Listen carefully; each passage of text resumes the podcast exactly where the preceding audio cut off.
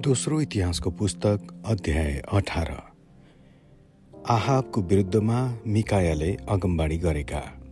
योसापात साह्रै धनी र प्रसिद्ध भए। अनि तिनले आहाबसित वैवाहिक सम्बन्ध जोडे। केही सालपछि तिनी सामरियामा आहाबलाई भेट गर्न गए। आहाबले तिनी र तिनका लावा लस्करको निम्ति धेरै भेडा र गोरुहरू मारे र रामोत गिलादलाई आक्रमण गर्न तिनलाई उक्साए। इजरायलका राजा आहाबले यहुदाका राजा यहोसापातलाई भने रामोत गिलादमाथि आक्रमण गर्न तपाईँ मलाई साथ दिनुहुन्छ? तिनले जवाफ दिए म तपाईँ जस्तै हुँ र मेरा मानिसहरू तपाईँकै मानिसहरू जस्तै हुन्। यस लडाइँमा म तपाईँलाई साथ दिनेछु। तर यो सपातले इजरायलका राजालाई यसो पनि भने पहिले परमप्रभुसँग सल्लाह लिनुहोस्।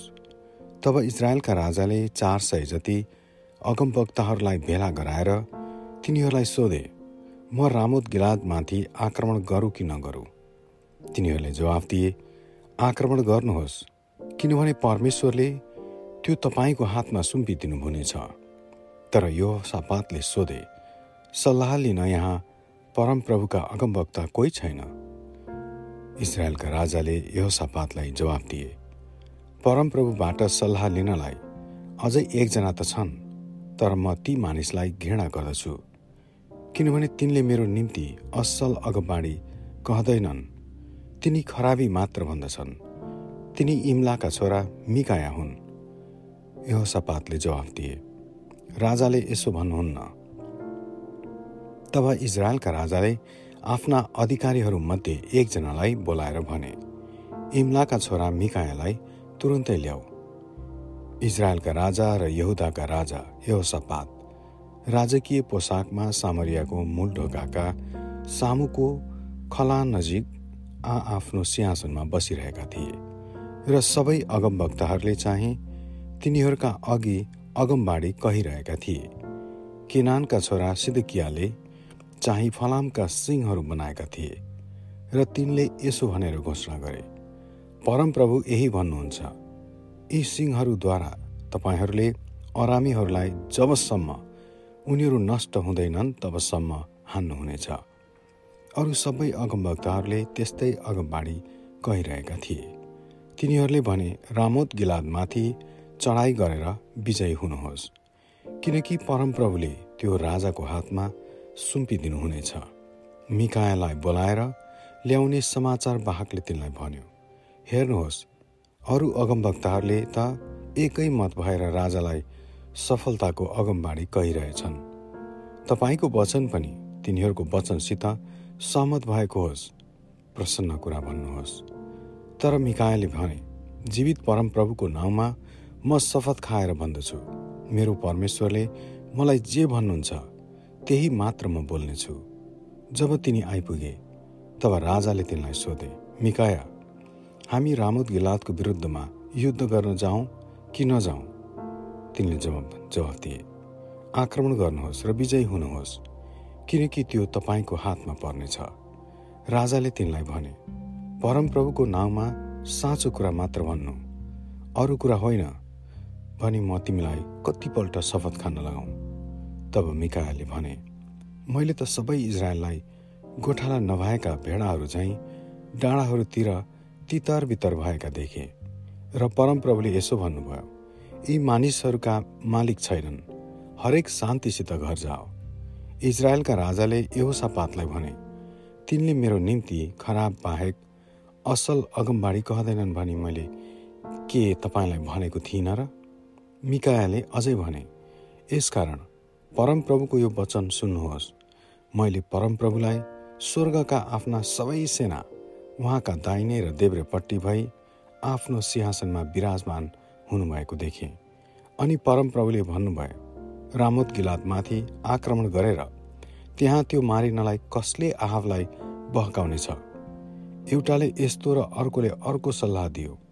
आखिरमा एउटा आत्मा अघि आएर परमप्रभुको सामुन्य उभिएर भन्यो म त्यसलाई बहकाउने छु परमप्रभुले सोध्नुभयो कसरी? त्यसले भन्यो म गएर त्यसका सबै अगमभक्तहरूका मुखमा झुट बोल्ने एउटा आत्मा हाल्नेछु। परमप्रभुले भन्नुभयो त्यसलाई बहकाउन त सफल हुनेछस्। जा गएर त्यसै गर। त्यसैले अब परमप्रभुले तपाईँका यी सबै अगमवक्ताहरूका मुखमा झुट बोल्ने आत्मा हालिदिनु भएको छ। परमेश्वरले तपाईँका सर्वनाशको उर्दी दिइसक्नु भएको छ। तब किनानका छोरा सिद्धकिया माथि आएर मिकायाको मुखेमा थप्पड दिए र तिनले भने अब कुन बाटो भएर परमप्रभुका आत्मा मबाट तिमीसँग बोल्नलाई जानुभयो त? मिकायालाई जवाफ दिए त्यो त तिमी आफै भित्री कोठामा लुक्न गएको दिन पो तिमीले थाहा पाउनेछौ।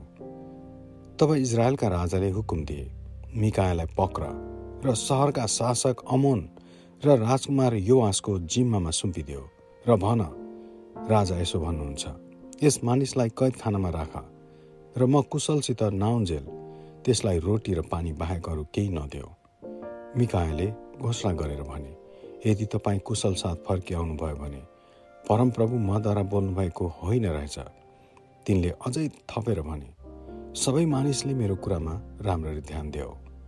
आहा रामोद गिलादमा मारिएका तब इजरायलका राजा र यहुदाका राजा योसापात रामोद गिलादमा उक्लेर गए। इजरायलका राजाले योसापातलाई भने म गुप्त भेषमा लडाइँमा जानेछु तर तपाईँ आफ्नो राजसी पोसाक नै लाउनुहोस्। अनि इजरायलका राजा गुप्त भेषमा लडाइँमा गए। अरामका राजाले आफ्ना रथहरूका सेनापतिहरूलाई इजरायलका राजा बाहेक अरू साना ठुलासित लडाइँ नगर्नु भन्ने हुकुम दिएका थिए जब रथहरूका सेनापतिहरूले यो सापातलाई देखे तब उनीहरूले तिनलाई नै इजरायलका राजा भनी ठानेर तिनलाई आक्रमण गर्न फर्के। तर यो सपातले चर्को स्वरले कराए अनि परमप्रभु तिनको सहायताको निम्ति आउनुभयो र परमेश्वरले ती रथका सेनापतिहरूलाई तिनीतर्फबाट अर्कोतिर लानुभयो। किनकि सेनापतिहरूले तिनी त इजरायलका राजा होइनन् रहेछन् भनी जानेपछि उनीहरूले तिनलाई आक्रमण गर्न छोडिदिए। तर कसैले आफ्नो धनु तानेर जथाभावी काँड हानि पठायो र त्यस कारणले इजरायलका राजालाई कवचको जोर्नीमा लाग्यो। राजाले आफ्नो सारथीलाई भने रथ घुमाएर मलाई रणभूमिको बाहिर लैजा। मलाई चोट लाग्यो।